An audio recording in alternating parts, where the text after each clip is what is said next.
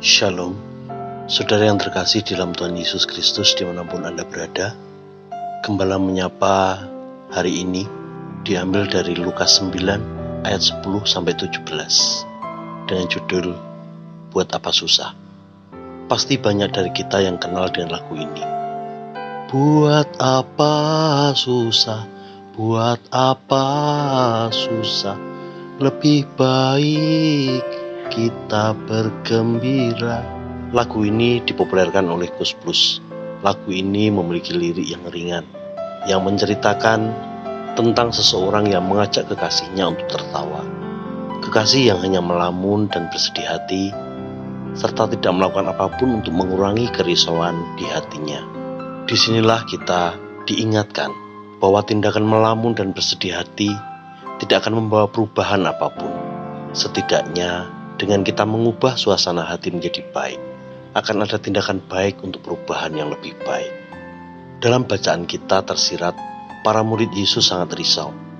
Mereka berada di tempat yang sunyi, sementara di hadapan mereka ada 5.000 orang laki-laki yang belum makan. Mereka minta kepada Yesus agar menyuruh mereka pergi mencari makanan mereka masing-masing. Akan tetapi, Yesus bersikeras, "Kamu harus memberi mereka makan." Lalu, mereka mulai berpikir memberi makanan untuk orang sebanyak itu. Mereka hampir tak pernah memikirkan bahwa yang ada pada mereka cukup untuk orang banyak. Hanya ada lima roti dan dua ikan pada mereka. Dalam keterbatasan itu, Tuhan Yesus membukakan pikiran mereka. Apa yang terbatas dari mereka ternyata mampu mencukupkan makan 5.000 orang sampai kenyang. Dari mukjizat ini Yesus ingin memberitahukan kepada para murid dan orang banyak bahwa ia adalah sang pemelihara hidup. Ia adalah sang penyelamat yang memperhatikan kebutuhan jasmani serta rohani para pengikutnya. Jadi tak perlu bersusah hati dan risau karena Yesus tidak akan membiarkan umatnya terabaikan. Saat masalah besar menghadang, itu adalah momen bagi kita untuk mengenal Yesus lebih dalam.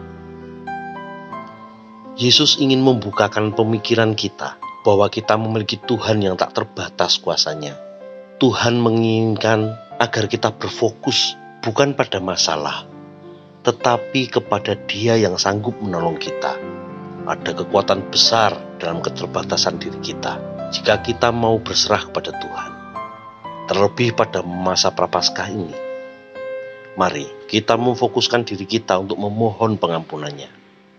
Mari kita membersihkan diri kita dengan cinta Yesus, sehingga kita layak menerima tubuh dan darah Yesus. Buat apa susah?